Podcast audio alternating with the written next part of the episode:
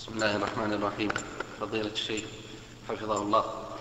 ما رأيكم في من يأخذ بالاختلافات في الحجاب ويستشهد بالأحاديث الضعيفة ويرجع إلى التفاسير بالرأي مثل تفسير الجلالين للسيوطي وهل هذا الرد كاف له؟ وجزاكم الله خيرا جوابنا على هذا أن نعلم أن العلماء رحمهم الله اختلفوا في وجوب تغطية الوجه. والكفين. ولكن القول الراجح الذي تؤيده الأدلة والنظر وجوب تغطية الوجه. ومن أراد الاستزادة من ذلك فليرجع إلى ما كتبه العلماء في هذا الموضوع.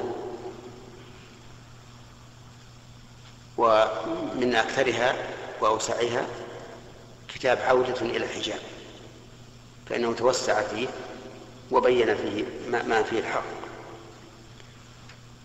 ويكفي أن الإنسان البصير أن يعلم ما يترتب على كشف الوجه في وقتنا الحاضر من الشر والبلاء.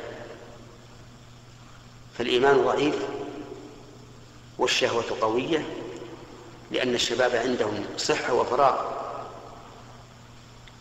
فيحصل بذلك شر كبير.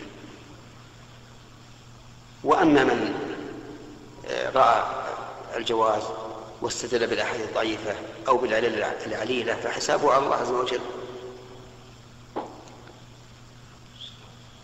لكني رأيت كلاما لبعض العلماء قال إن الحجاب في هذا العصر واجب بالاتفاق لأن الذين قالوا بعدم الحجاب بعدم وجوبه استثنوا ما إذا خيفت الفتنة